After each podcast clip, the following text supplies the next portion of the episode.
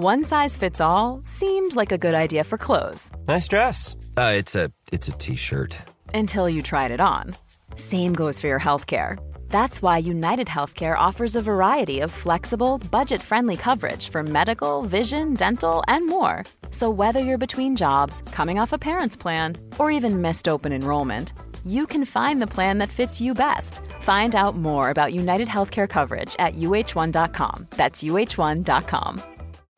Life is full of what ifs. Some awesome, like what if AI could fold your laundry? And some, well, less awesome, like what if you have unexpected medical costs? United Healthcare can help get you covered with Health Protector Guard fixed indemnity insurance plans. They supplement your primary plan to help you manage out of pocket costs. No deductibles, no enrollment periods, and especially no more what ifs. Visit uh1.com to find the Health Protector Guard plan for you. Sekundene de går ganske fort, men det får vi håpe at du, Gjermund, gjør også. Og vi må ha klart for oss at fra det stedet vi først får øye på han, vil han bruke over to minutter inn. Over to minutter, helt sikkert. Ja da!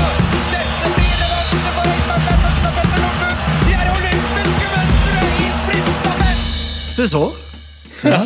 Godt å se det, ass. Det er godt å se deg. Det er, det er deilig. Det er deilig å være Eh, Jeg ser du sitter og koser deg med noe godt. Hva er det du har i koppen der? Det er, altså, det er jo hyggelig at du spør, da. Um, vet du hva jeg drikker? Jeg har en anelse. Ja.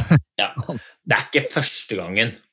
Altså, jeg, jeg drikker kaffe ofte på kvelden også. Og det er for å være sikker på at jeg våkner. Ikke sant? I morgen, ikke sant? Det er helt, det er helt riktig. Så, så nå sitter jeg og drikker rolig kaffe. Men det som er gøy, da Ja. Det som er gøy, for nå er jo Coop-kaffe. Og, og, ja, jeg drikker. Og da er det sånn Det er så mye spennende. Man vet jo ikke hvilken type er jeg. Æ, æ, jeg vet ikke. Så står du der, og så er det bare sånn masse sorter. Ja, det, er, det er mye. Det er, det er, vil du si det er i overkant? Nei, nei, jeg vil si det er helt perfekt. for Jeg tenker meg sånn Her er det muligheter til å prøve mye forskjellig før du finner din variant. Så jeg gikk for en rolig Kenya. Styrke fire. Er Perfekt. Nei, men det er, det er jo sånn, vi har, eh, Coop er jo med som en eh, De støtter jo og er med på podden, så det syns jeg er veldig hyggelig. Og eh, vi er også som de glad i den gode samtalen, og den, den kickstartes ofte. Vi merker jo det de gangene vi ikke har drukket kaffe. Dårlig pod. Veldig ofte en litt svakere pod. Når vi har hatt kaffe innabords, sånn som nå, da er, da er vi på! Da er vi på. Ja, og Kenya-kaffen Ja. jeg, jeg liker den. Jeg liker den. Jeg liker jo jeg liker jo at kaffen skal være sterk, men den skal ikke være liksom bitter. Den skal bare være som deg og meg, ikke sant? Sterke, men ikke bitre. Nei, jeg er ikke fremmed for litt bitterhet, jeg da, men, men eh, Ja, ja, det er for sjokoladen. det. Nei, ja, det er det, mest sjokolade. Det er mest sjokoladen. Det er riktig. I Lynne, derimot, i Lynne, derimot, så er det null bitterhet å spore. Men, men eh, selv om dette er en, en, en idrettspod, skal jeg si deg hva jeg drakk til middagen i dag? Eh, Akevitt? Nei, Nei. Eh, jeg, det gjorde jeg ikke. Eh, men jeg drakk eh, rødvin. Og det er ikke ofte jeg drikker rødvin til middagen, men i dag følte jeg faktisk at det var på sin plass. Fordi For det første så hadde det vært hele dagen og stått alpint i strålende vær sammen med flokken. Deilig. Og så gikk jeg på ski fra uh, Hafjell og hjem. Og Så kom jeg hjem, og da hadde jeg selvfølgelig tatt opp uh, rådyrkjøtt. Og så lagde jeg gryterett. Åh, gryte. Gryte er så godt! Gryte, altså gryte! At ikke, at ikke konseptet gryte får langt mer oppmerksomhet. Al altså, skaus er det beste jeg veit. Og, og skaus det er jo ikke noe, ikke noe du Hva som helst. Putt det oppi, la det ligge lenge og, og, og langtidskoke. Og det, kjøttet blir så mørt. Og det er så godt. Noe av det beste jeg vet, mutter'n hun lager en sånn reinsdyrsgryte. Eh, og så lager hun sånn der eh, poteter, sånn rotmos med litt søtpoteter og vanlige poteter og litt sånn eh, kålrot. Ja, ja, det er så godt. Mye fløte, selvfølgelig. Mye liberal på fløtebruken, og det er så godt. Ja, de, de sier jo det at liksom hemmeligheten til alle som er gode til å lage mat, er liksom fløte eller smør. Ja, og helst begge deler. Helst begge deler. ja, det er gøy! det er gøy. Men hva er skaus? Jeg vet ikke helt. Skaus er jo Jeg føler det er en slags fellesbetegnelse på all mat som langtidskokes i en gryte. Og så, jeg føler For meg er forskjellen for, Jeg er ikke noe suppegutt. For de tenker sånn, ja, når de ser meg, tenker sånn, han er sikkert der i suppe. Nei, det er klassisk feil. Skaus, derimot. Og hva er egentlig skaus? Det er en slags tyktflytende suppe. Hvis jeg skal prøve å beskrive hva jeg ser på som skaus, da. Um, Ja. Hvis du blir klokere av det. Ja, jeg, er en type skaus. Ja. Kanskje, kanskje skausens fremste, fremste kjendis er jo lapskausen. ja, den heter jo skaus òg i slutten der, så det er jo det, det ligger jo litt i ordet. Men vet du, apropos suppe. Jeg, vi var jo Hafjell, og, og da spiste vi mm, mat. Jeg er jo en skjør fyr, tåler ikke bl.a. egg. Alt, alt som var på den eh, restauranten, hadde, eh, hadde egg, bortsett fra dagens suppe. Jaha. Men jeg lurer på om jeg fikk dagens saus. Ikke dagens gaus?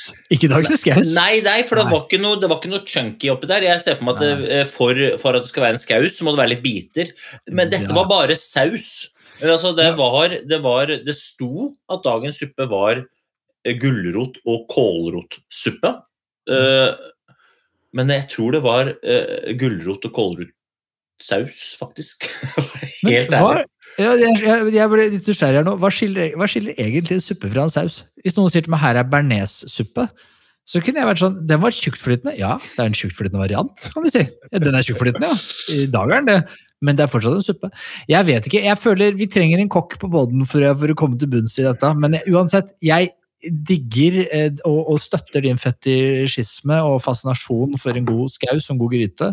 Eh, og det er, jeg, det er noe vi kan like. Jeg tror Men jeg har- Jeg tenker at uh, saus Det blir du feit av. Suppe Det spiser du når du er på slankeren. Men hvis du er litt smart, så lager du saus, spiser den som suppe, og så går du gjennom radaren. Yeah, yeah, merker ikke forskjell. Nei, dette er Den ligger- termiske logikken står seg, men jeg, jeg er med deg. Er. Sitter du nå og spiser saus? Nei, det er suppe. Det er suppe. Ja, ok, for at det, det var veldig mye Det er suppe, ja. Ok, ja, da er det greit. Den bearnéssausposen som ligger her, har det noe med den suppa du spiser å gjøre? Det er men dette er fortsatt suppe. Ikke plage meg. Den smørpakka som jeg hadde i kjøleskapet som er borte, hvor har det blitt av den? Den er i suppa. Så, så saus, saus i store mengder, suppe. Ja, for at denne podden ikke skal bli det den er i ferd med å bli nå, en real suppe. En real alle floskler, så må vi videre. Vi driver jo også med 3000 meter challenge, Øystein. Det er eh, en challenge vi lanserte rett før jul. eh, og jeg har jo eh, jeg har falt litt gjennom. Altså jeg har, du sier du er skjør. Jeg er jo laget av, av Marie-kjeks. Fordi er fortsatt vondt i akillesen, får ikke løpt. Eh, Men heldigvis er det mange andre ute som løper, blant annet deg.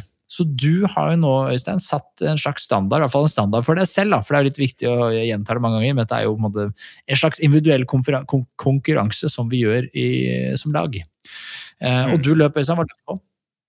Du, jeg, jeg, jeg sa jo liksom litt sånn eplekjekt at jeg setter en grei tid, som jeg øh, har øh, trua på skal slå øh, med litt innsats. Så da, da bestemte jeg meg for å løpe på ti blankt. Jeg hadde jo bestemt meg for tida på forhånd. Ja. Men jeg skal være ærlig med deg og si at underveis i øh, ti blank-løpet mitt, for jeg løp på ti blankt, så tenkte jeg jeg burde sagt elleve. Jeg burde sagt elleve. Elleve blank. Det er Ja, alltid det hadde- ja, men jeg, så jeg løp på ti blank. Eh, Jeg løp på ti blank, eh, og mm, det var Hvor lett blir det slå den? Nei, altså, jeg burde slå den lett, men jeg kjente når jeg løp på ti blank at det blir ikke så lett som jeg, det burde ha vært. Om det skyldes for mye suppe, det vet jeg, det kan, det vet jeg ikke. De lærde strides, men ti blank er ganske hissig. Altså, jeg, jeg, som jeg kom på her, skjønner jeg ble minnet på det av en kompis som sa at, at det er jo ikke sånn at det, dette er ditt første møte med 3000 meter, Hanso. Du gjorde jo det på videregående, og det gjorde vi. jeg tenker meg om. Og da har jeg på en måte dedusert meg fram til at eh, det var rundt sånn 16-20-16-30. Altså Det er i det landskapet jeg løp på. eh, Altså, og, det var årstallet du løp på, eller var det tiden? Eh, Det var dessverre tiden. Dessverre var det tiden. Ja, for jeg håpa det var årstallet, men Jeg kunne enten ja, ha vært verdens kjekkeste mann på 400 år, Det er jeg ikke. Jeg er bare en, bare en treig 18-åring. 17-18-åring. Kjempetreig. Ja, for jeg, det, det, det satte jo på en måte litt kontekst inn i hvorfor du liker den mørke, bitre sjokoladen. Men ok, eh, 16-20 ja, jeg, jeg, jeg tror det er god for bedre. Det tror jeg. Det tror jeg jo også, og selv på første forsøk tror jeg jeg skulle slått det nå. Jeg føler at jeg på en måte har en bedre grunnform nå enn da. Men um, det får jeg jo ikke svar på før sannsynligvis nå i slutt, siste uka i april. Og jeg tenker, Noe gøy kunne være at jeg må liksom ligge meg litt på snittet av lytterne, eller sånn, men så, det tenkte jeg på. Og så ser jeg at for lytterne skriver jo inn har, Det er ikke så mange som har turt å levere tiden sin, det legger jeg merke til. Og det er helt greit, for det er ikke det, er ikke det som er viktig her. Men, men de som har gjort det, de, det er ganske bra fart på de. Så jeg veit ikke om det Men jeg vet ikke, vi må, finne ut litt Kanskje vi kan få inn en ekspert eller sånn i forkant som kanskje kan komme med en slags sånn uh, utdanna mening om hva en sånn halvtrent 30-åring bør klare å løpe 3000 meter på. Og så bør det være et slags mål. da, Jeg må slå det. Ja, Vi kan jo røpe at vi skal ha Jan Post litt senere i, uh, utover i vinteren. her, og Han er topp kvalifisert til å vite hva du bør uh, løpe på. Eller han synser hva du bør løpe på. For han har jo vært både i, i mine sko og i dine sko i, i løpeform, så det, det tror jeg blir fint. Syns han før, han. Så vi får håpe han kan eh, hjelpe til. Så har vi hatt en konkurranse. Folk spør seg hvorfor i all verden skal jeg gidde være med på Skipoddens 3000 meter challenge. Eh, og foruten at det er jævlig moro, så har vi det jo sånn at vi har med et par kule partnere på laget. Det er blant annet Hoka, som lager de raskeste løpeskoene på markedet. Eh, og i tillegg til Polar, som lager altså de aller råeste pulsklokkene. Og jeg får jo trent litt alternativt da, å bruke klokka. og det er det er dritinspirerende, rett og slett. Det, jeg burde hatt den sånn for lenge siden. Men eh, Hoka deler ut løpesko, og vi deler ut eh, hver måned. Og første vinneren er allerede trukket eh, av de som har meldt seg på så langt. Og da er det bare å gratulere Liv Iris Sørgaard. Ja da. Ja da! Liv Iris Sørgaard, gratulerer med dagen! Du eh, har gjort klokt, vært med, eh, delt av deg selv på Instagram og blitt trukket ut til å vinne første paret med sko fra Oka. Flere par skal deles ut, så her er det bare å henge seg på. Meld dere på på skipon.com, og vær aktive. Del av dere selv, eh, så deler vi av oss selv, og så sammen inspirerer vi hverandre til å, å komme litt bedre form, for det er jo det som egentlig er greia. Det er det. Men det er det. er, noen, det er noen som kan det bedre enn oss. Det er noen som er i bedre form enn oss begge, Øystein. Og de har vært i Tydyst i helgen i Lahti. Ja. Fulgte du med, eller? Ja. Jeg fulgte ved så det grein etter. Det, har, vært- og det er en av mine favorittøvelser i langrennssporten. Eh, jeg, jeg skjønner ikke at ikke de har skiatlan oftere på menyen. Jeg skjønner ikke. Det er jo det, kanskje det, den gøyeste grenen. For det er mye som skjer, det er mye action. Du skal forstå klassisk, så er det skibytte, og det er mye tryning og fall, og russere som hekter. Og så er det på igjen med, med, med skøyteskia, og da det, kan du være god, da. For jeg syns altså, Hvorfor øver ikke folk med på skifte av ski? Nei, men du, det, det, altså, du skulle jo sett på når dette her begynte. For når, når, når Hvor, gammel, du, hvor, hvor ung tror du jeg er? Jeg så jo på når skiathlon begynte. Nei, for at det, når det begynte, var det ikke på TV. Jeg var til stede under første gang dette ble prøvd som en skigren. Og det var siste året jeg var, eller nest siste eller siste året jeg var junior. Og da var det sånn at eh, jenter 16 starta først, og alle sammen fulgte veldig med på hvordan dette skiftet skulle gå. Og da var det òg sånn at eh, Salomon hadde en sko, en, en, en type sko som kun passa på skøyte, skøyteskia. Så de som hadde den skoen, de måtte bytte sko! Så det Da og da hadde litt våte sokker og litt puls. Skobytte! ja. De, de burde introdusere obligatorisk skobytte. Da hadde den greia fått kjørt seg. Ja, for dette, det var litt jobbing der, kan du si. Det var jo ikke så drilla utøvere. Og, og sant, Dette var oppe på Gåsbu skistad. Jeg husker liksom alle sto og kikka på når jente 16 skulle inn og komme. Og det var ikke bare det at de skulle bytte sko og ski, men så var det også sånn disse båsene. Dette var også helt nytt, disse med båsene.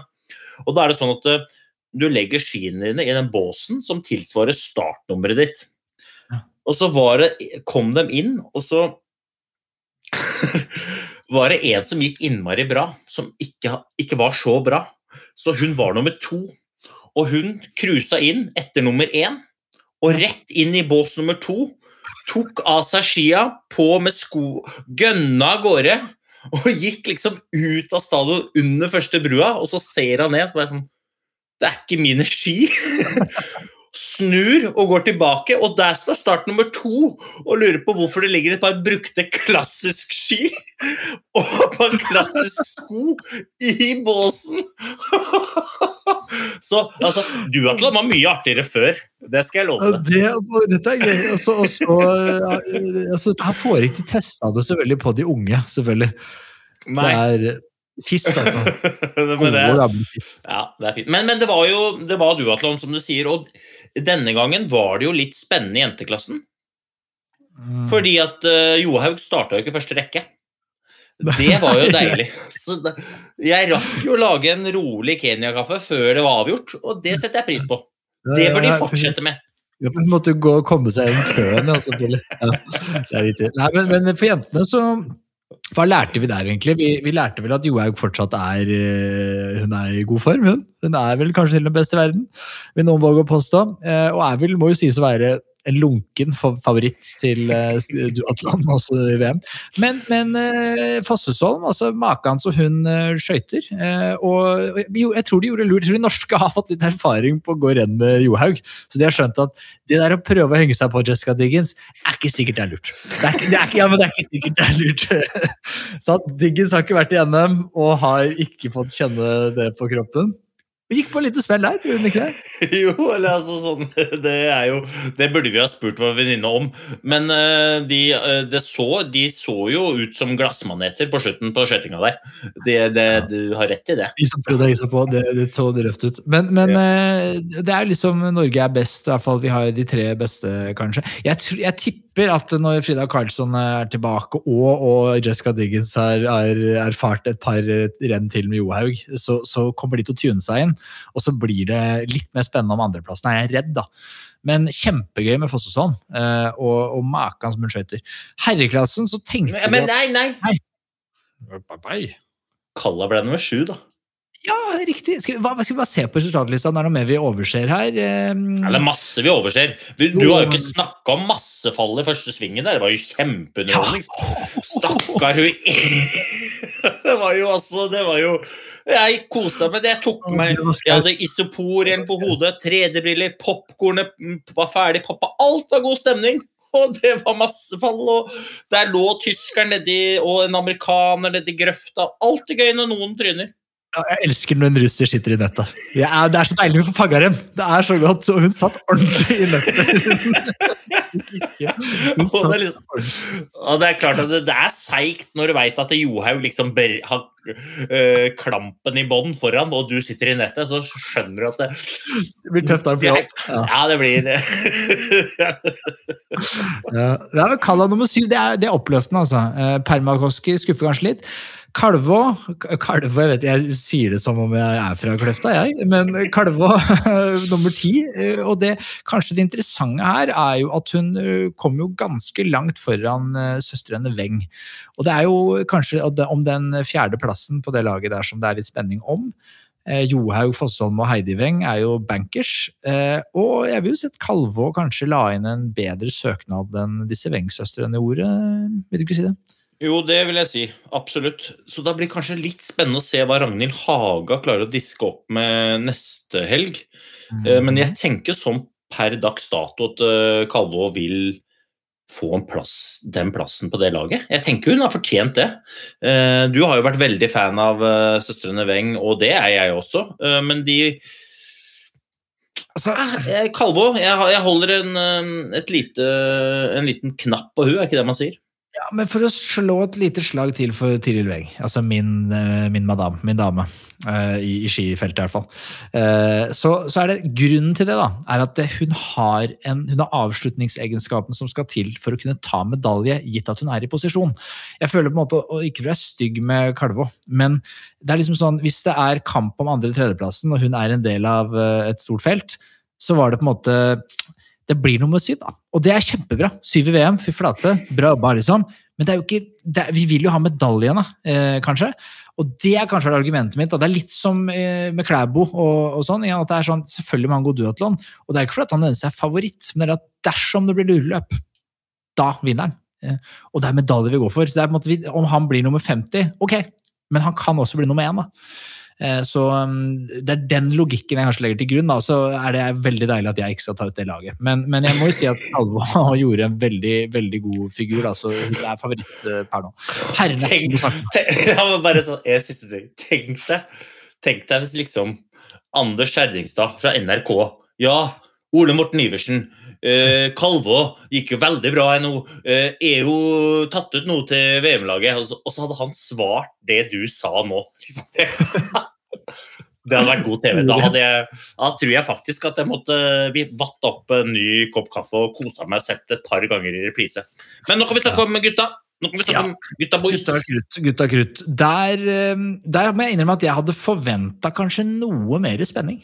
Eh, Det var jo liksom spenning knytta til hvordan vil det bli nå som Bolosjunov og, og Niskan og co. og alle russerne møter nordmennene. Hvordan vil det bli?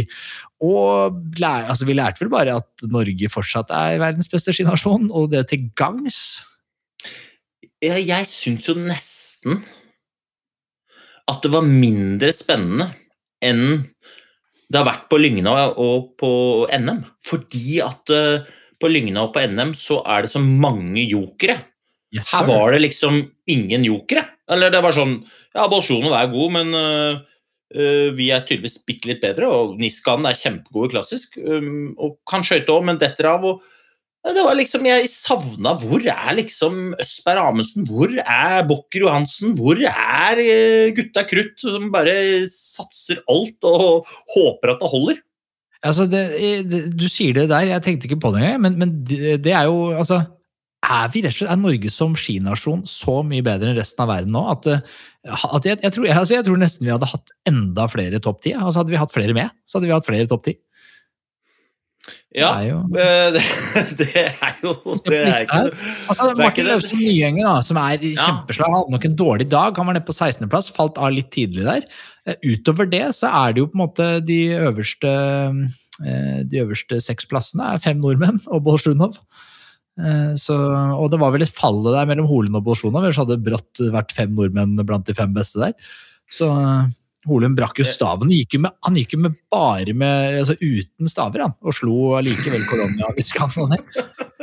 Oppløftende mot. Colonia på syvendeplass. Men vet du hva mitt, eh, det jeg vil trekke fram fra den uh, skiatlon for herrer er, Øystein? Nei, jeg gjør ikke det. På tiendeplassen der så er det en tysker som er født i år 2000 med navn Friedrich Mosch, eller Moch, eller sannsynligvis Moch. Eh, og det lover bra! Det lover bra! Han er kun da slått av alle nordmennene og Niskan Kolonia og Jens Burman. Jens Burman, også bra, niendeplass. Eh, Vi må jo si det, vi er jo delvis svensk pott. Også Bolsjunov, da. Men det lover bra. Hvis han Friedrich Moch klarer å få holde det der eh, gående, så har man kanskje en tysker oppe i toppen. Og som vi har snakka om mange ganger, det trenger vi, altså. Langrennssporten trenger en tysker som hevder seg helt i toppen. Vet du hva jeg tenker? Nei. Han er sikkert skikkelig dårlig til å skyte. Tenker jeg. Han, han er nok svaksynt. Det er Han skjeler, skjeler også snart. Han, han har liksom gått på skiskyting hele tiden og bare Nei, jeg taper alltid på skiskyting. Men du er ganske god til å gå på ski. Ja, det er så kjedelig å gå på ski! Ja, kom, jeg prøver. Ja, ok, greit, altså. Jeg Er greit. Ja? Ja, ja. Han har nok dårlig spenst, så det tror jeg.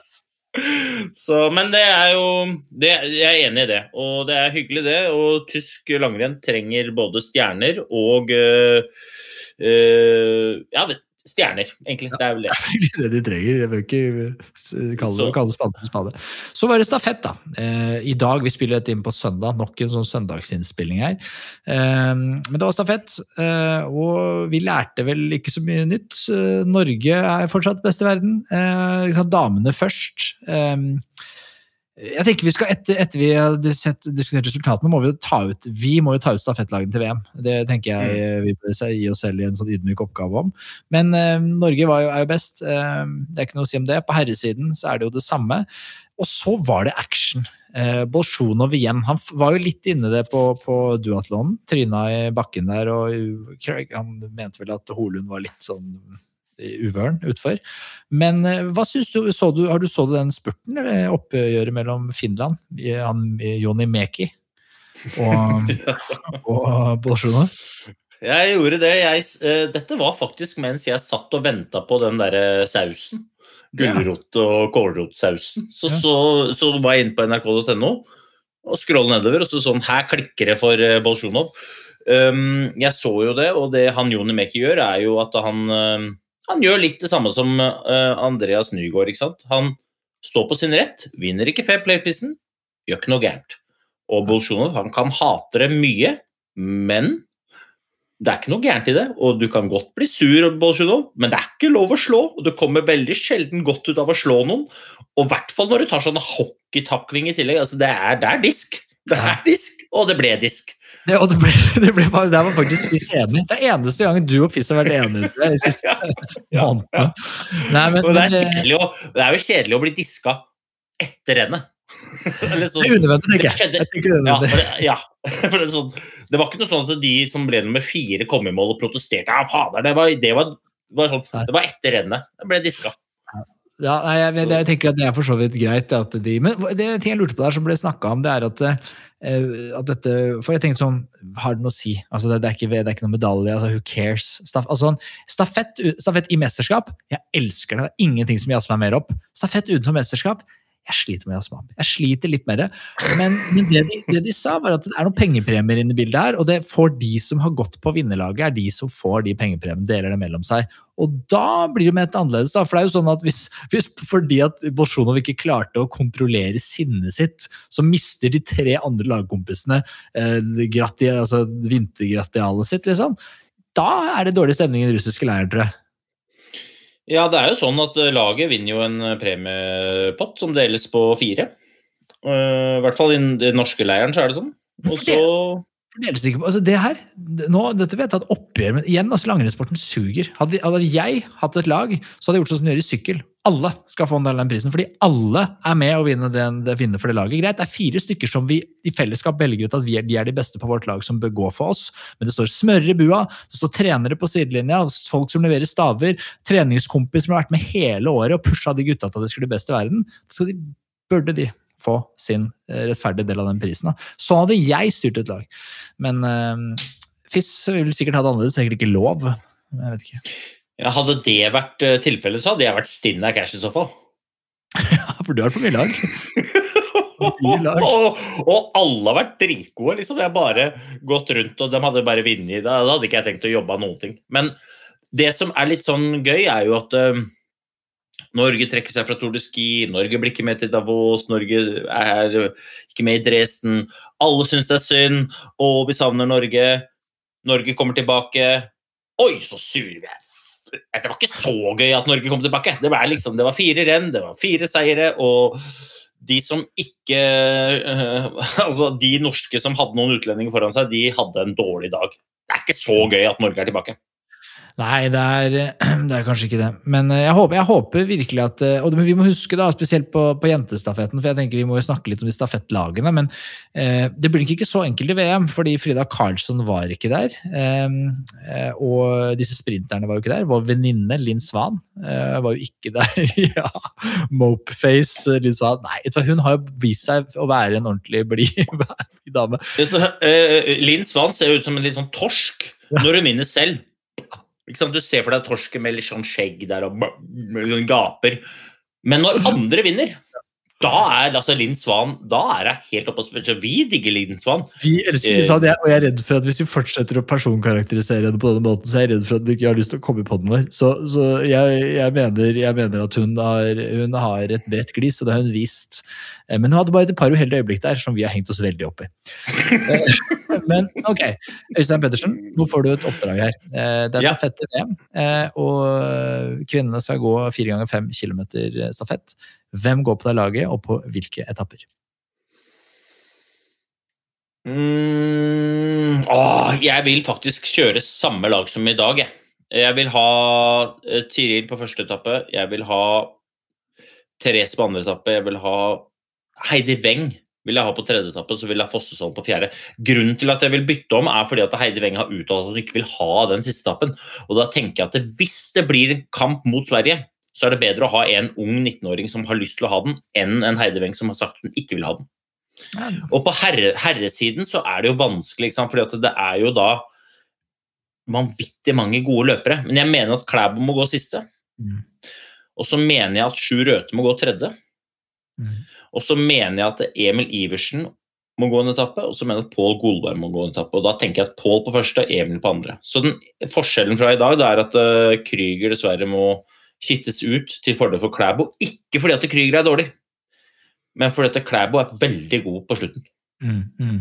Men jeg tror jo at uh, en, en Klæbo vil ikke prøve å gå fra, sånn som uh, en Krüger vil gjøre. Og hvis en Sjur Røthe får luke, sånn som han gjorde i dag, så vil Klæbo sannsynligvis bare gå kontrollert og eventuelt vente inn, mens en Krüger vil prøve å holde avstanden eller øke.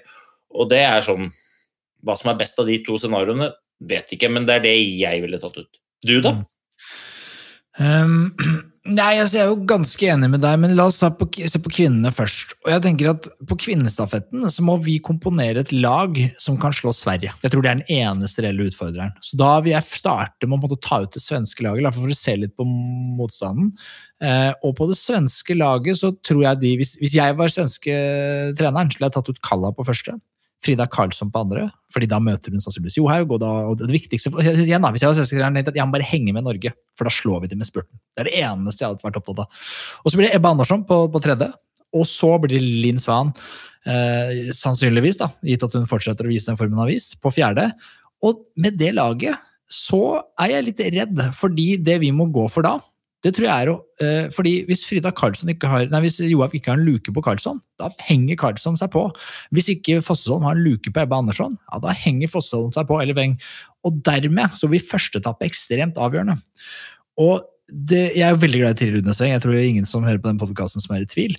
Men det hun viste i dag, det var noe såkalt svakhetstegn på første etappe. Eh, og det har vi ikke råd til. Vi må ha en helst som kan gå ifra Kalla på første. Så jeg begynte å tenke litt sånn hm, Skulle man ha satt Heidi Weng på første? For å, og tenkt at Heidi Weng, må, det eneste oppgaven din er å gi Therese Johaug en luke. Gi, altså Koste hva det koste vil. Hvis du kommer inn likt som Sverige, da har vi tapt. Det, det, funker ikke. Det er ikke på bordet. Og så, for Hvis, hvis Johaug har en liten luke på Karlsson, da vet vi jo alle hva Johaug er god for. Hun kommer til å øke den luka. Det er det Johaug driver med. Det er, what, what's her is about. Så Det er å øke luker. Eh, og hvis hun har en luke, den luka kommer Fossholm til å vareta. Og skal jeg helt ærlig da, da har det ingenting å si om på siste etappe. Men jeg vil da slå slag for min venninne til Lunde Sveng. For vidt at det blir altså i den utopiske virkeligheten der Linn Svan klarer å være få ryggen til, til Weng, så er hun den beste avslutteren vi har. Så da er det sånn, ok, Hadde ikke hun klart det, hadde ingen andre klart det. Så da ble Sverige for gode. Så grattis, Sverige. Derfra er mitt lag Heidi Weng, Therese Johaug, Fossesholm og Tiril Udnes Weng på siste. Ja da. Kunne man eventuelt, Jeg liker jo tankegangen din, men kunne man lekt med å ha hatt Johaug på første? Det er jeg redd for at det er altså, Johaug har vist seg ikke være så god i felt. Altså, hun får ikke vist sin styrke i felt. Så jeg vil ha Johaug når det er bare to-tre rundt henne, for da kan hun bare smadre. Altså, hun er så god på smadring at vi må la Johaug gjøre det Johaug gjør best, tenker jeg. Jeg liker det. Og herrelaget? Herrelaget så er jeg jo i stor grad enig med deg. Det eneste, altså Pål Golberg, for en elegant klassisk løper han er. Han fikk altfor lite skryt i dag. Makan til bunnsår. Han er så solid! 10 kilometer klassisk, altså, Hadde det vært en distanse, så hadde han bare han hadde vunnet alltid. Bare alltid vunnet. Eh, og, Emil Iversen bør man selvfølgelig ha på laget, og Klæbo må avslutte. Så eh, jeg er enig med deg at per dags dato per dags dato sju røde selvfølgelig på tredjeetappe, men jeg vil se 15 km skate i VM først. Og så skal den, og så vil jeg ha kjørt amerikansk uttak. Den som går best 15 km skate, får tredjeetappen. For de er så jevngode. Altså, om det er Holund, om det er Krüger eller om det er sju røde, vi vinner den stafetten uansett. altså har ingenting å si. Gi det til den som fortjener det mest. Så kanskje motsatt. Kanskje gi det til den som gjør det dårligst på 5 km skate, så han får seg en klapp på skulderen. og. Vi liker deg, Krüger. Vi liker deg, Holund. Eller, men, da er det greit å, men da er det greit å dele pengepremiene hvis man gjør det sånn, tenker jeg. Da, altså, jeg da deler man på alle, ja. hvis man gjør det sånn. Vi får jo snart en nyhet. Vi skal bare raskt banke gjennom hva annet som har skjedd. Det har vært uttak til Juno-VM. Bare for Vi nevner det. Vi er jo den eneste skipodden eller vi er vel kanskje ikke den eneste skipodden i Norge, men vi sier det likevel. Margrethe Bergane tatt ut. Sigrid Leseth Føyen. Anna Heggen, Tuva Lislevann, Maria Hartz Melling, Emma Kirkeberg Mørk, Runa Ulvang. Ja, det er vel fare for at det laget der kan uh, gjøre litt ugagn i junior-VM, er det ikke det? Ja, så det vet øh, jeg faktisk ikke så innmari mye om, for å være 100% ærlig. Eh, men det er et par etternavn der jeg har hørt. Ja, altså På herrene har du hørt mange av de. Lars Agnar Hjelmeset eksempel, eh, kommer jo til å gjøre det bra. Alexander Elde Holmbo, eh, Nicolai Eide Holmbo, Martin Kirkeberg Mørk, Rågo. Rågo. Edvard Sandvik, Jonas Vika og Karsten André Westad. Han skal ha hjemmeværende reserve. Det er ikke så stas, men det er mer stas enn å sitte her og, gjøre skipod, så vi hyller han, vi. Um, så de ønsker vi jo lykke til i junior-VM. Og så må vi kanskje rette litt fokus til Ski Classics, uh, fordi vi har med en uh, kul fyr i dag, Øystein. Ja, altså I dag har vi jo med oksen fra Burfjord. Altså Vi har med selveste Andreas Nygaard, og det er veldig gøy. Men før vi inviterer han, så må vi jo bare kjapt innom altså Ski Classics. Altså det, det, det, er altså Det hviler en slags forbannelse over der, den der ligaen der, og det kan jeg si med hånda på hjertet. Jeg er innmari glad men det er alltid så døvt føre, ass. Alltid er det et eller annet som gjør at det bare Nei, nei, nei! Ok. Altså, Forrige helg da var det jo veldig kaldt, det skal vi få Andreas til å snakke mer om. Men så, denne helgen, så var det altså så mye snø. Ja, det var så mye snø at vi måtte flytte start fra lørdag til søndag. Det snødde så mye at alle bare Nei, det går ikke. Og jeg tenker sånn uh, arrangørmessig Litt frist i minne hva som skjedde forrige helg. Vi tar en lur beslutning nå. Og alle gleder seg. Det er meldt strålende vær, fast føre. Så blir det så løst! Altså, jeg, jeg, jeg leverer ski til bl.a. Runar Skau Mathisen. Han er fem meter høy, ser ut som Hivju. Han gikk jo han så jo ikke knærne på ham. Han gikk jo nedi snø. Det var, altså, det er, og sånn er det alltid. Vaseloppe. Altså alltid vaseloppe første søndagen i mars. Jeg skal love deg. Først, alltid på lørdagen. Det er perfekte spor. Alltid digg. Raskt føre. Du tenker sånn Her hadde det gått på en time, time halvannen. Alltid på søndag. Det er meldt bitte litt snø. Og den bitte lille snøen, den er dritmye. Kommer alltid motvind. Og det er bare så alle hater Motvind rennet. følger dere rundt løypa. Og endelig skal vi snu, og da følger vi med. Ja, nei, men Kutta de litt ned på, på distansen? eller sånn? De gjorde noe Ja, de kutta ned. Hvorfor gjorde de det? Jo, fordi det snødde så mye at det var skredfare i hele området. Og det er ikke første gang. Sist gang jeg var i Cortina Toblak, lå der ei uke, gleda meg til å gå skirenn. På kvelden satt og spiste ris, drakk eh, saltvann for å fylle opp kroppen, full av energi, god form. Rennet avlyst. Hvorfor? Ekstrem skredfare i hele området. Hold dere inne, folkens. Fyll dere et glass rødvin. Det blir ikke noe renn her. Drit i det. Dette er Ski Classics. Vi snakkes ser, neste år. om det ser nydelig ut. Jeg har jo sett på Instagram til disse langløperne, og det der det er noe jeg har så lyst til. Altså, Ikke nødvendigvis gå renna, men det å være og ligge der og cruise, fint vær, gå noen lange skiturer, eh, drikke rødvin og god ost. Ja, ja, Bitter sjokolade, mørkere det bedre. Det hadde vært Det ser altså så fristende ut. Men eh, Neste, neste, år, neste år, Hanso, når denne berømte pandemien er over, du og jeg og alle våre følgere, vi reiser, vi finner et renn, og så reiser vi. Og så sier vi, som Conor McGregor, We are not here to take part. We are here to take over! Jeg liker det allerede. Men skal vi ta oss og invitere med oss eh, Andreas Nygaard? Ringe opp han, høre hva- som skjer. Jeg, jeg kjenner ikke han i det hele tatt. Jeg er veldig nysgjerrig på å lære mer om han og, og høre historien. Han er jo en langløpslegende allerede. Han har jo stort sett vært der, har han ikke det? Jeg vil høre mer. Vi, vi ringer opp Andreas Nygaard. Det er altså en så stor glede å kunne eh, ønske velkommen til en hedersgjest i podden, Øystein. Eh, Vi har jo da fått besøk av en av dine gode kompiser, eh, en av verdens aller beste langløpere. Han har vunnet Jeg var på Wikipedia-sida så det er utrolig mye gull og sølv i Ski Classics og sprintcuper og alt mulig. Andreas Nygaard, så hyggelig at du har mulighet til å være med på Skipodden. Ja, takk for det. Jeg har eh, mye, mye tid til overs eh, om dagen, så det var ingen problem. Ja, vi, vi kan jo kanskje starte med, starte med det, selv om vi rett før vi gikk på snakka om at skulle starte et annet sted. Så mener jeg vi starter med det, Andreas, fordi det er jo eh, elefanten i rommet, eller elefantfingra i rommet, er jo de hvite kulene du har. Altså, det var La Diagonella sist helg, til de av dere som ikke har fått det med dere, og der var det bitende kaldt. Eh, og for sånne folk som meg, når det er så kaldt, da holder vi oss inne. Eh, Men sånne folk som deg er jo litt tøffere eh, på alle måter, så du bestemte deg for å gå, og gå det du makta. Og du ble vel til og med nummer to i det rennet, Andreas? Eh, ja, det stemmer at jeg gikk det jeg hadde, og jeg ble nummer to. Men eh, var, vi hadde dessverre, eller heldigvis, så gode ski at store deler av løpet så gikk jeg ikke det jeg hadde. Så det ble eh, mange mange kilometer hvor jeg gikk veldig sakte, og da ble det òg veldig kaldt. Men eh, Nei, jeg må ha et lite drypp der for start.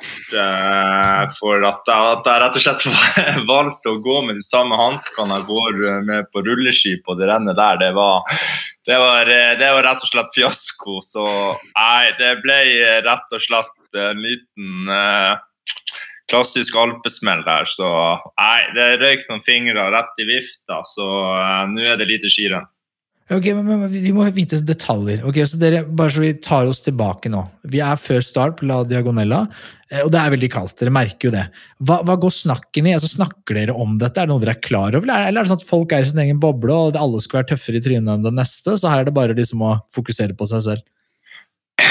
Nei, jeg tror Øystein kan skrive under på det her, men er det én ting skiløpere er klar over på renndag, så så er det temperatur og føreforhold. Så vi starta Vi bodde i Pontresina og kjørte ned til start, og vi så jo frostrøyken sto, og temperaturen på bilen var 25,5 minus jevnt hele veien til start, så det var ingen overraskelse temperaturen eh, som vi møtte der. Så, men klart, du har eh, Anders Aukland i den ene enden, og så har du enkelte andre i andre enn om hvor tøff man skal være. og det, Men jeg tror egentlig ingen tenker på det. Eh, vi kler oss godt og vi kler oss etter forholdene. Og så eh, var det rett og, slett bare en tabbe av meg å gå med så, så tynne hansker. Ja, men ikke, ja, for Du la jo ut et bilde her på sosiale medier fra eh, liksom en solfylt dag for noen år siden i, mm, i Valdres hjemme. Hvor du liksom, da, da står folk uten lue, og der har du votter! Mens liksom uh, i Sots uh, nede i, i Sveits der, på, langs ei elv, i minus 25, da tar du de tynneste hanskene. Ikke bare tar du på deg de tynne hanskene, du, du dypper det litt i sportsdrikk før start i tillegg. Ja, jeg, jeg føler jeg må oppklare litt den sportsdrikkere. For greia var eh, at når man går lange løp, så tar man gjerne og går med mye væske på seg. Og på tur til start så hadde jeg i kjent stil litt for dårlig tid, så jeg sklei på tur til start i skiskoene. Rett på, rett på rygg og bare sprengte det her drikkebeltet. Så, det, så det, eh, begge beina ble fullt med sportsdrikk. og uh, i det så fikk jeg nok litt sportstrikk på hanskene også, men det var ikke sånn at jeg sto på start med gjennomvåte hansker. De føltes helt greie. Jeg merket, jeg så jo at det rant overalt på beina, og sånn, men hanskene føltes OK. Så jeg har aldri konkurrert i votter og hadde egentlig ikke tenkt å gjøre det, men jeg trener bestandig i votter, også i Marcialonga, Øystein, som du så der i eh, sikkert plussgrader og alt sånt. Men eh, det har sittet litt langt inn å konkurrere med hansker, men eh, ja, nei, det var bad judgment den dagen der. Altså. Det, var, det var greit at det var skikkelig kaldt. Det var svinkaldt, og det var mange som kledde seg godt som gikk på en smell, men jeg må nesten bare takke meg sjøl, altså. Men eh, underveis liksom, Skjønte du at det var så ille underveis, eller var det først når du tok av deg hanskene og så at fingrene var helt hvite? Ja, nei, det, underveis så er det jo så i bobla, vet du. Det koker og adrenalin og alt sånt, men du kjenner jo når du begynner å miste Jeg kjente jo at tærne og fingrene var kalde underveis. og når jeg sto, sto og hakka tenner der på flystripa på tur bort til mål, så skjønte jeg jo at det var kjølig, men eh, det var først når jeg kom i mål, straks da merka jeg jo at det her var ikke bra. Og eh, ja. For, for hva skjer da? Dette er også interessant. Du kommer i mål, og dere merker at du, noe er fullstendig galt. Er det vondt, eller er det at det er så kaldt at fordi, eh, Hva er det du har pådratt deg av liksom, hva er definisjonen på det som har skjedd i noen av fingrene her? Ja, eh, Definisjonen på frostskader som er tilfellet, er at eh, du deler det egentlig inn i én til fire, hvor én er et såkalt frostbitt, som vår kjære Petter Solang Skinstad fikk på øret sitt. Og så eh, har du to, og så tre og fire. og så ja, Jeg hadde vel ganske heftig grad to på seks fingre. og det som skjer da er at Først blir de helt hvite, og det gjør vondt. Og så blir de røde, og så blir de blå, og så vokser det blemmer som blir først til klinkekuler, og så nesten som golfballer dagen etterpå. Så det var dagen etterpå så ble jeg lagt inn på et sykehus i Italia, hvor jeg var fra søndag til fredag og chilla i senga på koronasykehuset der nede i Sondalo. Så det var, det var god stemning. Ingen prata engelsk. Deilig. Ja, det var deilig. Ja, veldig greit. Og så bare, Når vi først er på La Diagonella, dere, du sier jo der, dere hadde utrolig god ski. Det var jo Resultatlista forteller vel også det, at det Ragde hadde gjort noe riktig der. Hva, hva var hemmeligheten? Vi snakka litt om det med Knut Nystad sist gang. Det føyk over hodet mitt, selvfølgelig, alt, all praten. Men uh, til de som kan mye om ski Ja, Øystein? Ja, altså, her er jo, det du spør om her, er jo egentlig det alle alle lurer litt på. For at uh, Team Ragde, som Andreas er en del av, uh, de har veldig ofte veldig gode ski. Uh, men de har et helt annet system enn alle andre lagene. Og det systemet det er jo det som er litt sånn spennende. Kan du ikke fortelle om det, Andreas? For Andreas vet nemlig ikke hva som ble gjort med skiene. Det er det som er greia. Han aner ikke.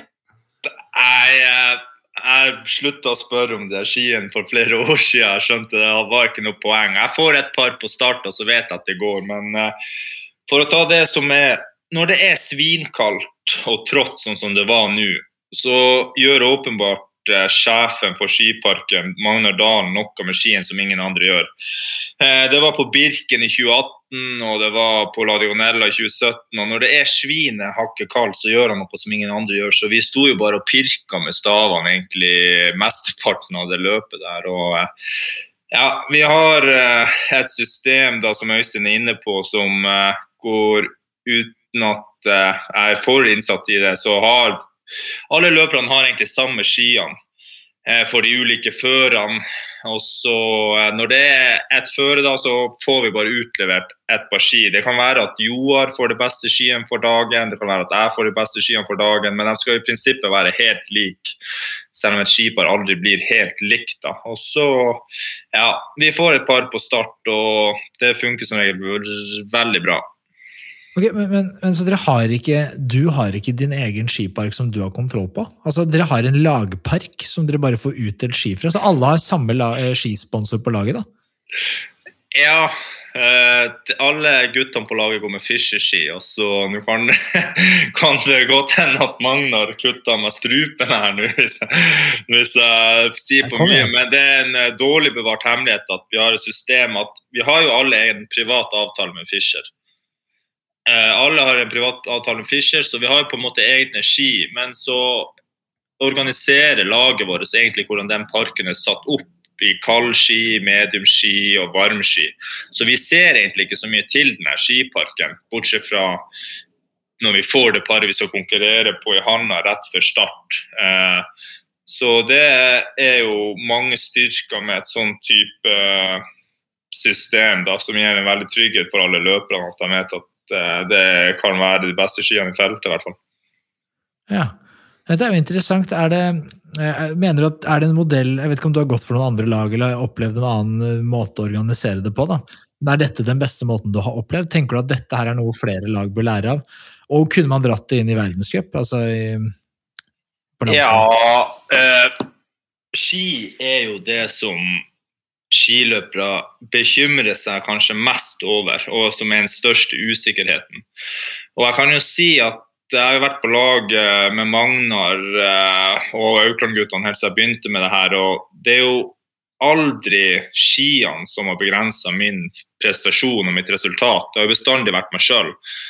Jeg har bestandig fått ut det jeg har vært god for, for vi har enten hatt best ski eller like gode ski som de andre. Så det gir jo så klart en trygghet. Og så er det klart, det er kanskje et system som er vanskelig for mange å ta etter. fordi at ja, Magnar har jo en spesiell status hos Fischer og Fischer-fabrikken og kan kanskje styre litt på en måte som ikke så mange andre kan, men uh, ja, det er jo en trygghet å vite at skiene går den dagen.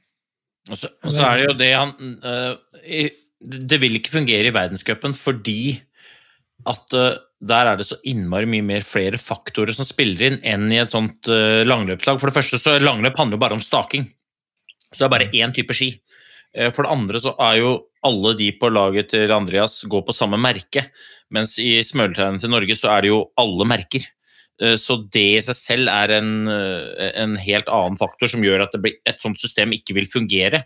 Og så har det jo da eh, Man må ikke glemme at Magnar Dalen altså For det første så har han jo som full jobb å holde på med dette, men han har altså vært landslagssjef i så mange land. Han har reist rundt, han kjenner folk i hver krik og krok. Jeg tror ikke det er en som sliper ski i hele Europa som ikke Magnar Dalen har slipt skia sine hos, og som han kan stikke hvis det er sånn eller sånn føre, så stikker Magnar Dalen og sliper skia sine der hvor vi skal gå skirennet, og så er liksom altså det, det vil ikke fungere. Men det fungerer optimalt i omgivelser og omstendigheter hvor det kan fungere. Og Jo, det men- ser vi jo. Ja, jeg bare tenker at det, er jo ikke enig, altså sånn, det, det er jo bare at man gjør om hele modellen. Altså at det er laget. Landslaget har en avtale med Fischer. og så er man, Det er jo ikke bra for de individuelle løperne som vil tjene mest mulig penger, selvfølgelig. Men man sier at de må, de må bare Alle på laget vårt gå på Matsus eller Fischer eller Salomon eller hva det er. Eh, Og Magnar Dalen han høres jo helt rå ut, men det, det finnes jo andre råskinn i verden. liksom Kirkegården er full av råskinn. Så, så, så liksom, det går jo an. Men, men, eh, men det jeg ser som en svakhet her, da, Andreas, det er jo at eh, For Norge da, så vil, vi vil jo som nasjon at akkurat for øyeblikket at Klæbo, Iversen og, og, og Sjur Røthelsen, de beste, går med de beste skia. For det er de som har størst sjanse til å vinne. Så, og det kan jo være det er sånn man, at Magnar Dalen en, er så eneveldig konge og høvding og keiser på det laget at han kan se han Nei, Dag Nygården han er i slag, så jeg gir han de beste skia. Men det er veldig mye makt i en sett med enkle hender. da. Ja, det er et par ting der. Heldigvis Magnar han er opptatt av én ting, og det er ganske rått med han, og det er rettferdighet. Så selv om kanskje jeg eller Petter og nå kanskje Oskar Kardin er de på en måte på papiret som har størst sjanse til å vinne f.eks. Marcialonga som skal gå neste helg, eller Vasaloppet. Nå er jo ikke jeg med i den ligninga, men uh, uansett den som er på en måte kanskje sterkest, og som kanskje burde hatt de beste skiene, det er sånn opererer ikke vi. Det kan godt hende at Joar går med det beste paret på dagen.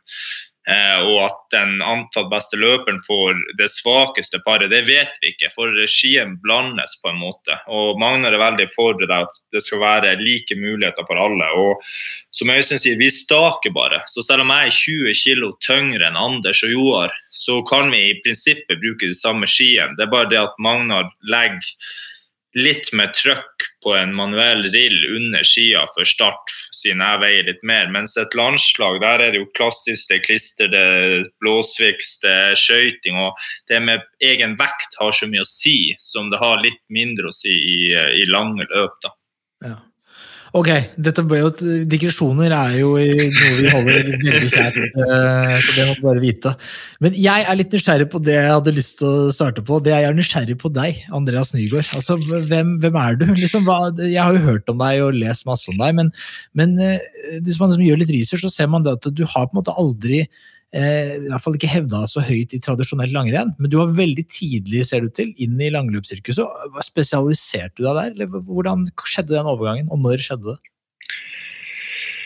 Ja, nei, som de fleste så drømte jeg om eh, OL og VM og World Cup og de tradisjonelle tingene ganske tidlig, men jeg innså vel at eh, mitt type fysisk og psykisk talent ikke kanskje rakk helt opp i de disiplinene. Så jeg gikk, nasjonal, gikk verdenscup i Drammen på nasjonal kvote i 2014 når jeg var på et såkalt regionslag. Men det året gikk jeg òg Vaseloppet, det var i 2014.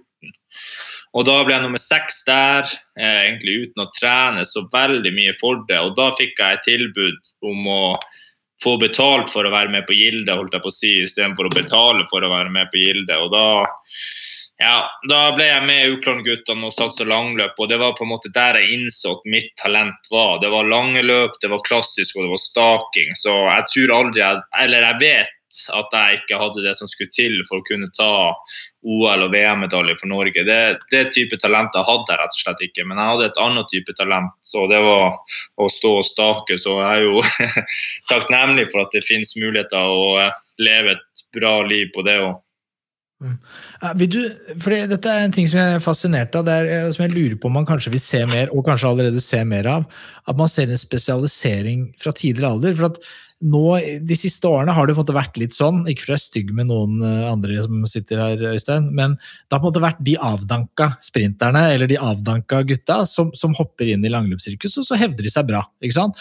Og det, Da får jeg en sånn følelse av at Det er kanskje det som måtte ha vært det, det jeg holder mot Ski Classics, da, hvis jeg skal være litt stygg. Det er at det, det er, det er bedre. Det er, liksom- det er, det er oldboysa som konkurrerer der, liksom. Artig. Anders Haukeland er 50 år, jeg vet ikke hvor gammel han er, han, men, og han hevder seg fortsatt. Det kan være for han er et unikum, det er det folk sier. Han er et helt unikt fysisk talent som man ser one in a million years.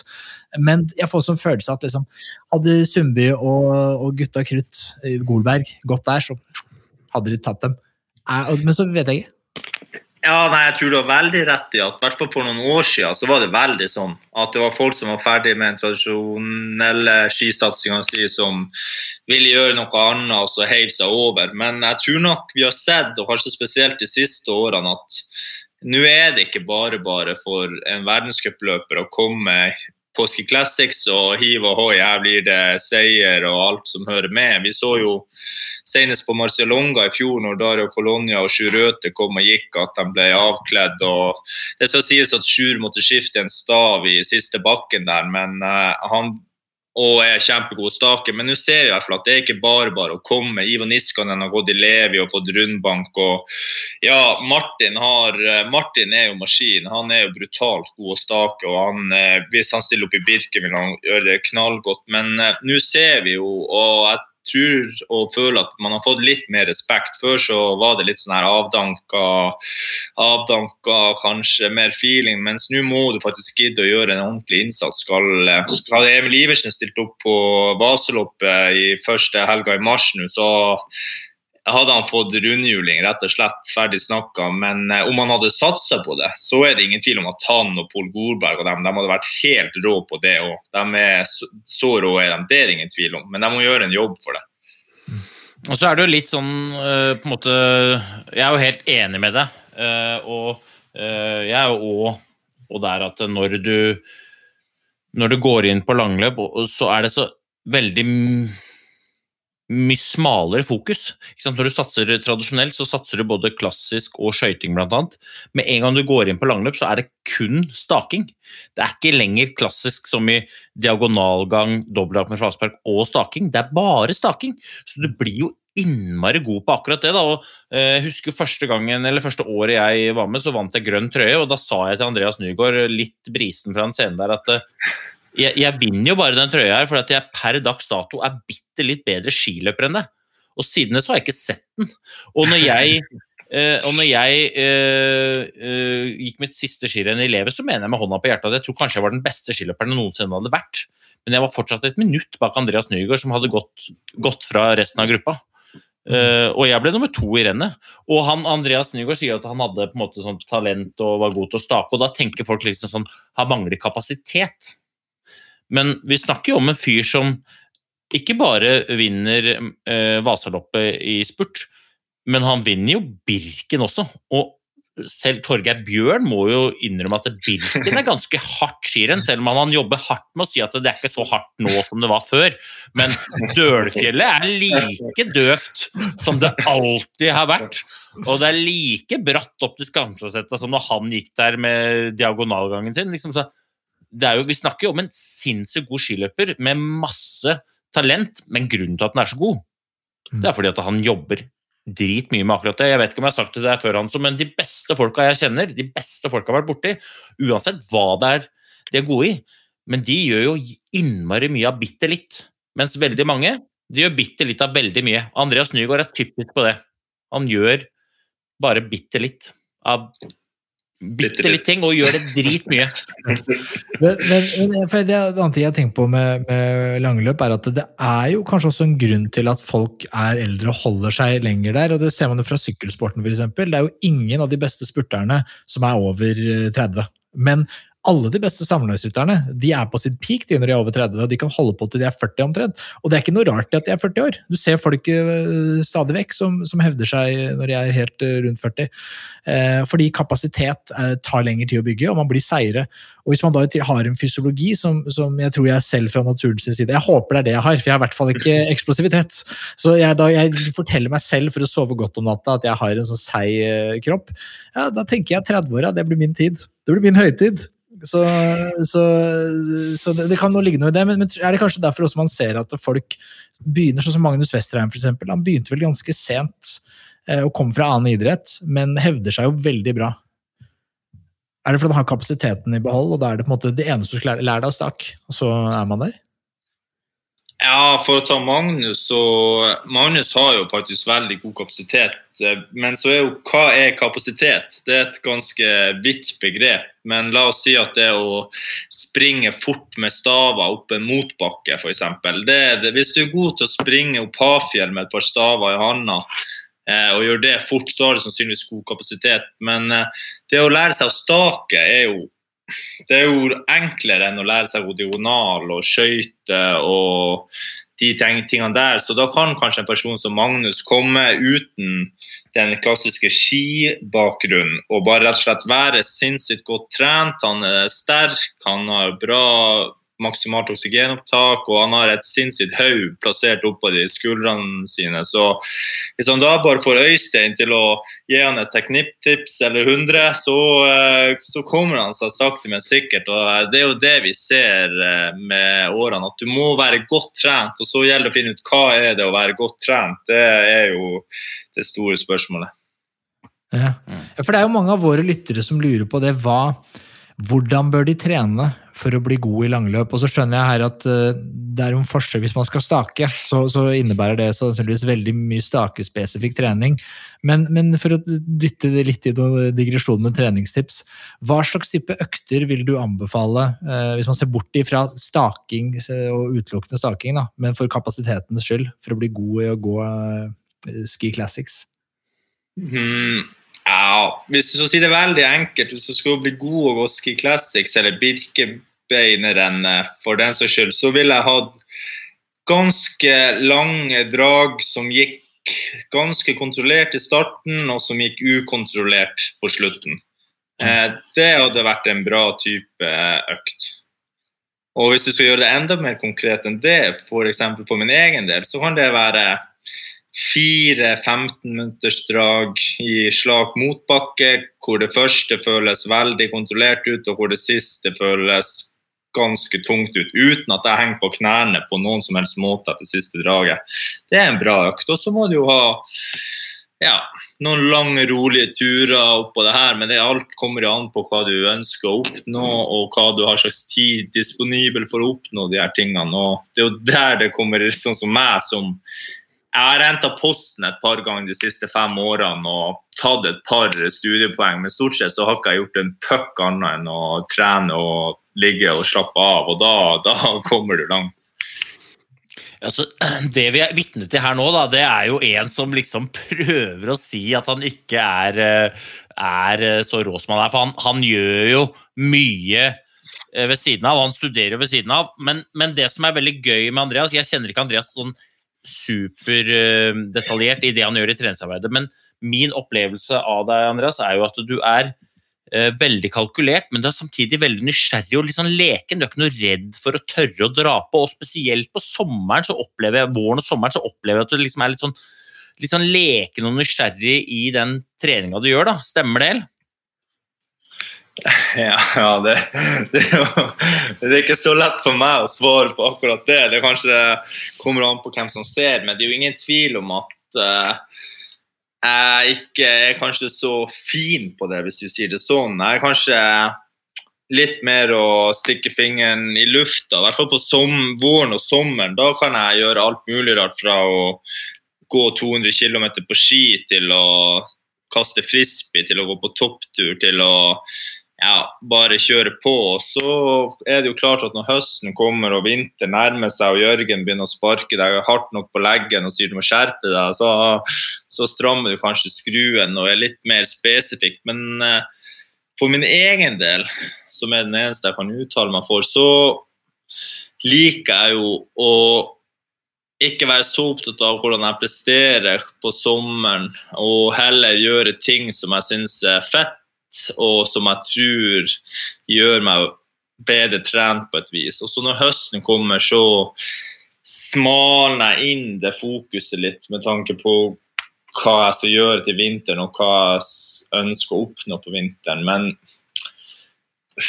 det er jo et ordtak som sier 'keep it uh, simple, stupid'. og uh, ja, du, det er ikke det er ikke rakettforskning. Det er vanskelig å bli god, men jeg tror du kan få ut 95% av potensialet ditt med å bare gjøre det sinnssykt enkelt, og så får du gjort det mange nok ganger. Du trenger ikke å lure så mye på om det er I3 eller I5 eller I1 eller I2. Det er ikke så sinnssykt nøye. Det som betyr noe, det er at du trener 20-25 timer i uka, og at mesteparten av det går ganske rolig, og du kan prate uten noe problem, og så må du dra på et par ganger. Det er ikke så jækla mye vanskeligere enn det, og det tror jeg du kommer langt med. I hvert fall for min egen del. Det blir mer jovialt med treningstips når du snakker nordnorsk. ja, men det er ikke så vanskelig. Når en østlending sier det der, da låter det som at han gir faen. Han er dårlig, han kommer ikke til å få det til. Når du sier det, så låter det proft. Så det må du ta til deg. Men bare med, trening også. Dere i Ragde har jo en sånn Ragde, eller flere sånne Ragde Challenger. Vi er jo glad i Challenger, vi. Men dere, jeg så på noe sosiale medier at det, det var noe løping og noe roing og noe staking og det så altså så brutalt ut. Folk spydde jo, eh, og det var Jeg merker at det, det, det, jeg er glad jeg har en annen vennegjeng. Altså, Vennene mine er mer glad i å brygge øl og gro skjegg. Det de vennene mine. ja, nei, de på Ragde, de er helt rå. De er en gjeng med mye trøkk både i jobb og, og, trening. Så vi hadde som du sier, helt riktig, en challenge der hvor vi skulle gjøre fem kilometer løping på tredemølle på 10% stigning. Og så var det fem kilometer på en stakemaskin, og så var det to kilometer roing til slutt. Og, ja, det var mye humor, men det var mye syre også. Men uh, nei, de, det var det som erstatta julebordet i år, og de var sinnssykt fornøyd, så de skal gjøre det samme til neste år også. Så det er bare å forberede seg. Ja. men, eh, men, Andreas, jeg har et spørsmål. For at du uh, gikk jo inn i sesongen med mål om å vinne gul trøye for tredje året på rad. Det er jo ingen som har gjort det. Du har vunnet uh, gul trøye de to siste åra og vært uh, uh, Hanso sa at du var en av de beste, men jeg vil jo helt klart si at du har vært den beste. Fordi at du er den mest komplette. Uh, altså Vi har jo en Petter Eliassen som alle vet hva er god for på sine beste dager, men han er jo ikke så komplett som deg. Uh, og du har jo surfa med, og, men så ble det jo dette famøse rennet med rulleskihansker nede i Sveits der. Og da fikk du deg en skikkelig sånn karamell. da. Uh, jeg, er litt nysgjerrig på hvordan huet ditt jobber nå, da, som du møter om du møter motgang eller ikke, vet jeg ikke, men plan A går i hvert fall ikke i boks. Hvordan jobber eh, hodet til Andreas Nygaard når han skjønner at uh, fingra står i veien for oss å klå på fatet? Ja, det er jo klart at uh, uh, sportslig sett, og sports, det sportslige er jo en stor del av Andreas Nygaard, så ærlig må hun jo være, så hadde jeg jo drømmer å vinne den tredje gule trøya og vinne Marcialonga og sånne type ting, men liksom liksom, jeg kan jo ikke finne, gå i boden og finne fram tauet heller. Liksom. Det, det nytter jo ikke å liksom, eh, ta det fram. Så det suger balle. Det er skikkelig irriterende, men det er nødt ikke å tenke for mye på det. Det er liksom, det er sne som falt i fjor, og det er bare å glemme. Og så nå så fokuserer jeg bare på å komme meg på start på Vasaloppet og prøve å få gjort det bedre der enn jeg har gjort de siste årene, hvor jeg føler jeg har underprestert litt. Så eh, det er ikke Det suger, men eh, ja, det er folk som har det verre, altså. Hvor, hvor fort kommer du til den der at uh, det er snøen som falt i fjor, og alle de der tingene du sier? Hvor, hvor lang tid bruker du på å øh, komme dit? Eller er du der med en gang? Eller gjør du som altså Hadde dette skjedd med mange andre jeg kjenner, så hadde det gravd seg et høl jævlig djupt, og så hadde de vært nede der en stund, helt til de hadde skjønt at de må klatre opp en av det hølet og fortsette å gå framover. Hvor, hvor, lang tid bruker Andreas Nygaard på å komme i det mindsetet som det er nå, da. Ja, nei, det er det som er fordelen med å være sånn akkurat passe lobotomert. Det går ganske fort, så uh, det er liksom Ja, jeg var jo der på sykehuset i Italia og ikke en kjeft prata engelsk, og jeg visste ikke fram eller tilbake og spiste kjeks der på senga og fikk ikke gått ut av rommet og Nei, det var egentlig bare var, jeg skjønte jo etter hvert at det her gikk til H. Først så tenkte jeg at ja, tåblakk det går nok ikke, men vi er tilbake liksom, til Marcialonga og kjører på. Nå blir det bare superoverskudd. Jeg kommer til å fly nedover den der dalen der. Men eh, så skjønte jeg jo hvor det bar, og da var det nå ja, et par timer, og så var det nå bare å stenge ned og ja, fokusere på det som man får gjort noe med. Så det tar, tar ikke så lenge tid. Men det er kanskje lettere for meg å være sånn når man på en måte har hatt mange fine opplevelser de siste årene, så er det liksom sånn Ja, man har vært heldig og opplevd mye kult, og man har mye annet bra i livet, så ja, det er nødt til å deppe for mye over det. Nå skal du få en, uh, nå skal du få en utfordring. Fordi at uh, det finnes nå en haug med unge skiløpere, juniorer og, og for så vidt også seniorer, eh, som ikke får lov til å gjøre en dritt. De får ikke lov til å ta plan A, B, C, D og E. Altså, det er Sesongen er ferdig. Har du noen du noen tips, råd, vink, tanker om hvordan de kan komme i det på en måte komme seg ut av det på en litt sånn styrka måte? Hva ville du gjort hvis det var deg? Ja, Det er et godt spørsmål. Jeg har en ja, stebror som er siste års junior nå, altså han er 19 år. Eh, som er litt i den situasjonen at det kanskje er litt kjipt. Men eh, jeg ville tenkt på to ting. og Det var å ta vare på kompisene mine som òg går på ski, og ha det kult med dem. Og så ville jeg fokusert på meg sjøl. Eh, jeg merka når jeg begynte å fokusere på Andreas og det å prøve å bli en bedre versjon av meg sjøl, at jeg ble sterkere, at jeg ble raskere og sprang fortere på tredemølla enn jeg gjorde før. Når jeg begynte å fokusere på de tingene, da for bare utviklinga mi rett opp til himmelen. Og selv om ikke man får konkurrert noe nå, så har du fortsatt som skiløper muligheter til å trene så mye du bare orker, og se om du klarer å springe litt fortere opp en bakke eller stake litt lenger opp en bakke enn du gjorde før. Og det er en der indre driven å bli en bedre utgave av deg sjøl, det er den som uansett til slutt vil eh, avgjør om du kan leve som skiløper eller ikke. Og det er litt døll, som Øystein sier, å holde på helt mutters alene.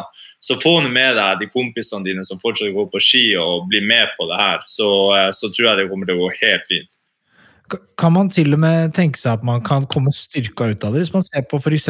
Johaug, nå, nå, var jo hun best også før hun måtte ta seg en litt bra pause der, men, men det at man kan trene sammenhengende i en så lengre periode, da, for det å gå konkurranser her, her, Dette vet jo jeg ingenting om, men mitt inntrykk er at når man går konkurranser, så saboterer det treningsarbeidet litt.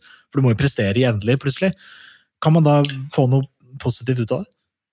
Ja, 100, 100% sikkert. og jeg er en av dem som ikke mener at du trenger å, nei, å konkurrere deg i form. Eh, spesielt ikke på det som jeg holder på med. Du trener deg i form, du konkurrerer deg ikke i form. Eh, det føler jeg er litt sånn utdatert begrep. Eh, kanskje sett bort fra noen få øvelser, men stort sett så trener du deg i form. og eh, Jeg vet ikke om Øystein er enig i det, men jeg føler i hvert fall at det er noe som jeg vet når jeg står på startstreken om jeg kan vinne det her skirennet eller ikke. Og det handler jo mye om at Magnar sørger for at jeg har gode nok ski, men jeg vet hvordan jeg blir å gjøre det stort sett på det skirennet når jeg kommer dit. Og det å kunne trene lenge uten avbrekk, uke inn og uke ut, det er det som sørger for at du oppnår drømmene dine på et eller annet skirenn i framtida, uten tvil. Jeg er jo enig jeg, jeg, med fare for jeg, Min erfaring er i hvert fall at de gangene jeg sier at jeg må konkurrere meg i form, det er de gangene jeg er usikker på om den jobben jeg har gjort, er god nok. Og da setter du deg selv egentlig litt sånn Da er du litt sånn passiv i inngangen til en konkurranse, og så spiller du alle andre spill, og da har du allerede tapt. Så det er først når du bestemmer deg for at ja, jeg er god nok, og så får vi se hva det står for, at du, du, er god, da, og ofte så sier, de, sier, man liksom at man må konkurrere seg i form. Det er for å liksom finne ut hvor er det jeg er omtrent, og så er det mulig. Ja, det er mulig, ok, greit, da bestemmer jeg for å kline til. Eh, så min erfaring er at eh, du trenger ikke å konkurrere deg i form. Du må bare ha trua på at det du har gjort, er bra nok, og så ha, ha guts nok til å satse alle kort på det. da. Vi nærmer oss jo slutten, Andreas. Et sånn viktig, ganske vesentlig spørsmål her. Eh, Hvilken teamdrakt er den eh, peneste? Ja, det er et eh, godt spørsmål. Eh, jeg kan si hvem jeg ikke syns har den fineste eh, først. Eh, og det må jeg si er Team Nordic Athlete. Okay. Eh, den syns jeg ikke er, all verden. Uh, men uh, den fineste Ja, jeg syns etter hvert at uh, Jeg var litt skeptisk til vår trikot i starten, det må jeg innrømme, men den har vokst på meg, og jeg syns egentlig ja, at uh, Ragd-trikoten er ganske smekker, eh, for å være helt ærlig. Litt tam, er det ikke det Ragde-greiene? Er ikke det liksom politisk korrekt svar? Jeg ser nå, jeg googla den der Nordic Athlete når du sa det. Jeg syns ikke den er så dum, jeg. Altså, når, når du sa det, så tenkte jeg på sånn Å, fy søren, tenk deg Morten nå! Morten Eide Pedersen. Han er, altså, han er verdens hyggeligste fyr. Verdens beste fyr. Trenger du en vaktmester? Ring Morten. Trenger du noen til å style huset ditt? Ring Morten. Trenger du en god venn? Ring Morten. Men han er forfengelig. Og nå kommer han til, å- nå kommer til å se den Nå kommer han til å ta på den drakta og se mange ganger. Er det, nei, det er jo kul, denne her, da! Jeg synes det er kult. Vet du hvem jeg syns er styggest, Andreas? Uh, Koteng. Om, å I det, det, det lagnavnet så får jeg oppkast i gulpet. Det er, altså, det, er, det er veldig mye lekre folk. Det er utrolig mye lekre folk som går for laget, eh, men selv de Men hva, men hva med, hva med um, uh, Irland? Altså i, i, den irske landslagsdrakta som han Westgård, er det Westgård han heter? Ja. Altså, hva, den, hva syns du om den? Ja, det, er noe med mye grønt og brunt i trikot som aldri helt faller i smak. Det, er, en ganske utrolig kombinasjon, syns jeg. Så, nei, den, eh, den er i hvert fall særegen, om ikke annet. Ja. Nei, nei, vi får håpe at Nå er det jo snart mesterskap. Er ikke mesterskap, er ikke da disse nye lands, de landslagene kommer med nye drakter, så vi får håpe at noen har klinka litt til. Selv Irland. Vi har trua på dem, vi. Noe grønt og Ja, brunt. ja, ja. En, en slags ideell palett der, så kan det gå.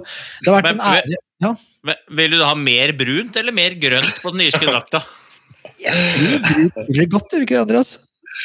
Det er, det vet faktisk ikke det. Jeg syns Kan du tillate deg at du har, at du har litt spist litt dårlig eller spist litt rart uh, før løp? Så jeg tenker brunt er safe. Jeg ville gått for det. Apropos det, apropos det, jeg må, siden du sier det, så må jeg bare si det. Det var en gang vi gikk eh, Det må ha vært i 2015, tror jeg. Vi gikk, uh, vi gikk Birken. Og da da tror jeg faktisk det var Ivo Niskan. Han gikk da for Team Coop, gikk med hvit dress. Så var han litt uheldig. Måtte drite rett før start. og så Det var ikke noe papir, eller noe, så det var han bare dreit. Og så gikk vi, og så etter hvert så ble han jo varm mellom rumperosene. Og jeg gikk bak Ivo. Og det ble brunere og brunere. Du, det, vi skal invitere uh, Ivo inn, skal få bekrefta den historien der.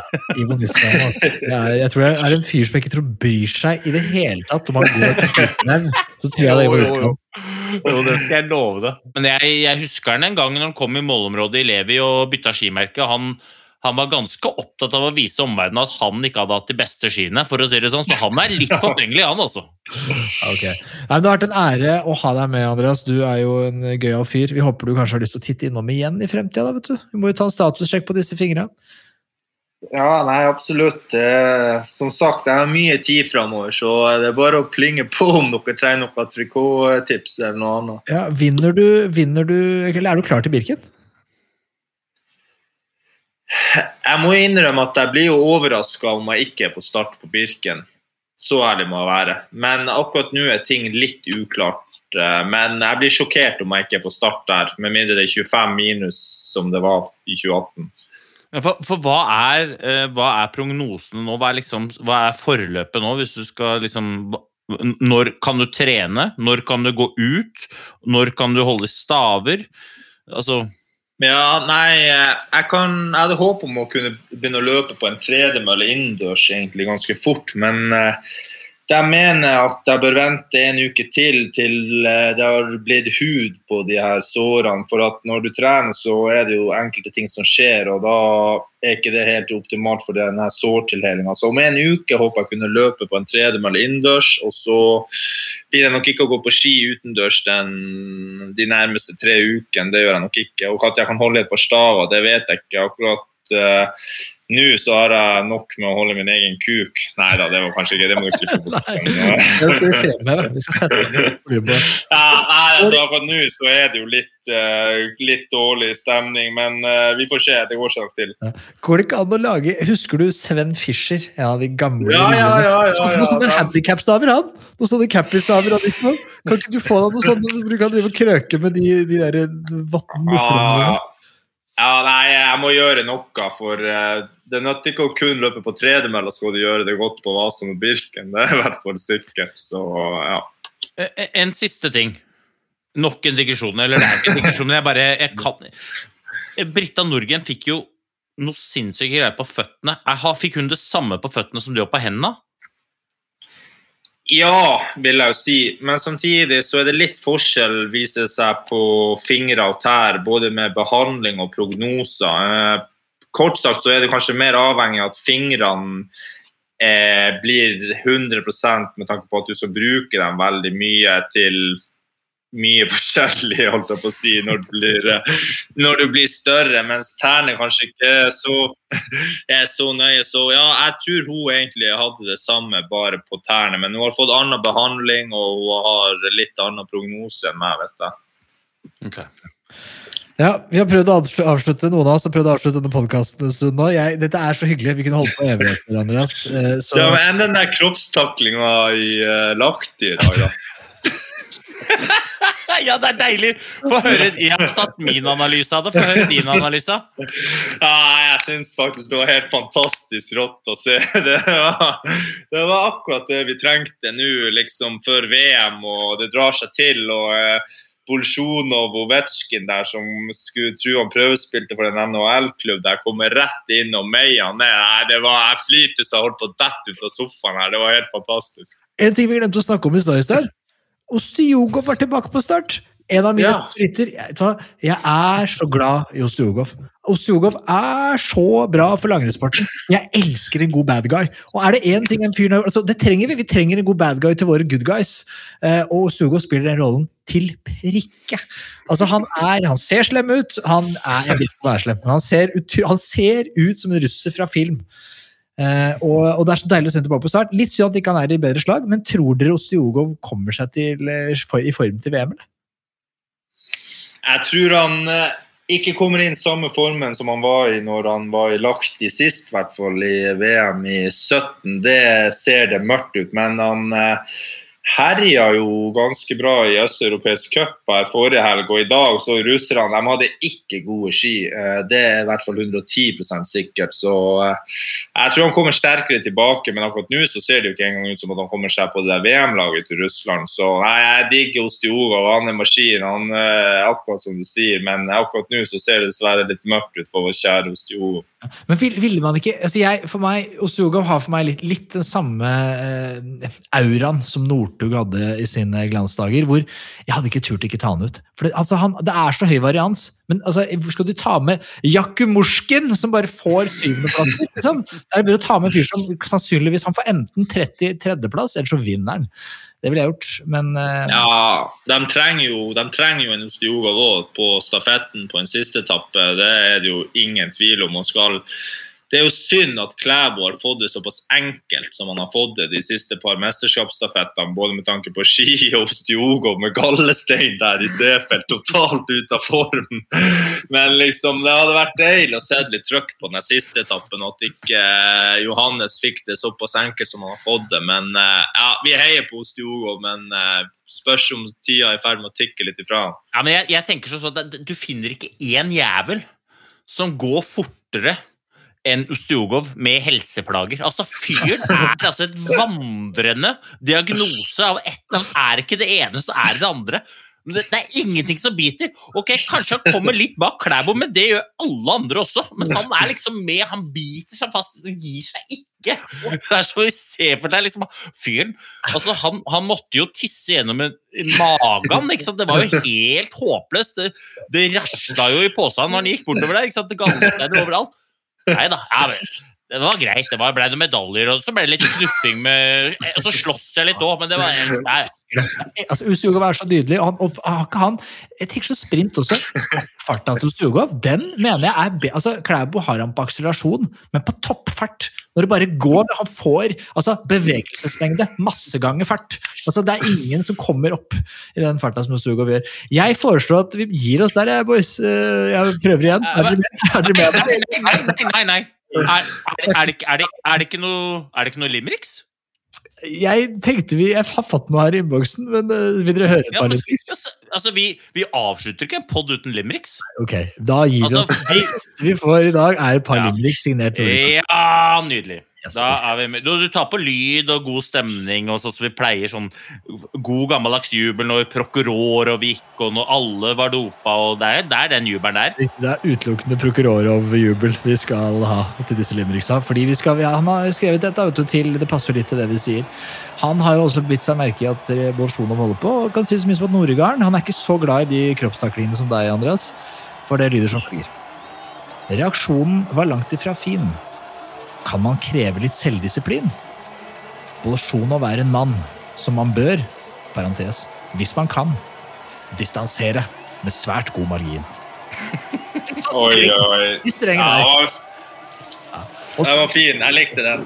Og så den siste vi kan avslutte med, som er veldig hyggelig. Bare ålreit. Den er, hyller oss selv, Norge. da. Altså, vi, vi har jo en del svenske lyttere, så vi beklager til dere på forskudd. Men eh, det var en gang Norge som herja eh, denne helgen. Ja, Nå har jeg en ny digresjon, men jeg skal ikke ta den. Men jeg lurer på hvordan det gikk med Bjurman. Men ikke svar på det, det tar vi en annen gang. Faderen, ass. Vi får vi sikkert svar på i vloggen hans. Niendeplass. Niendeplass. Ja, oi, ni. Ja, det var bra. Det var bra. Imponerende. Bra, Jens. Boys, nå er det det siste vi gjør for i dag. Det er det vi avslutter med det livrykket her. Helgens comeback i World Cup var flott. Fire seire av fire er rått. Vinner begge stafetter, og lørdag besetter vi pallen i rødt, hvitt og blått. Folkens, takk for i dag. Det var hyggelig. Andreas, du er nydelig. Øystein, som alltid. Adios. Adios, amigos.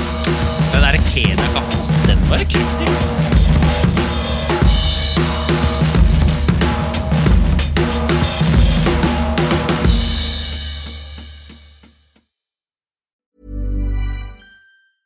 Even when we're on a budget, we still deserve nice things. Quince is a place to scoop up stunning high-end goods for 50 to 80% less than similar brands. They have buttery soft cashmere sweaters starting at $50, luxurious Italian leather bags, and so much more. Plus, Quince only works with factories that use safe, ethical, and responsible manufacturing. Get the high-end goods you'll love without the high price tag with Quince. Go to quince.com slash style for free shipping and 365-day returns.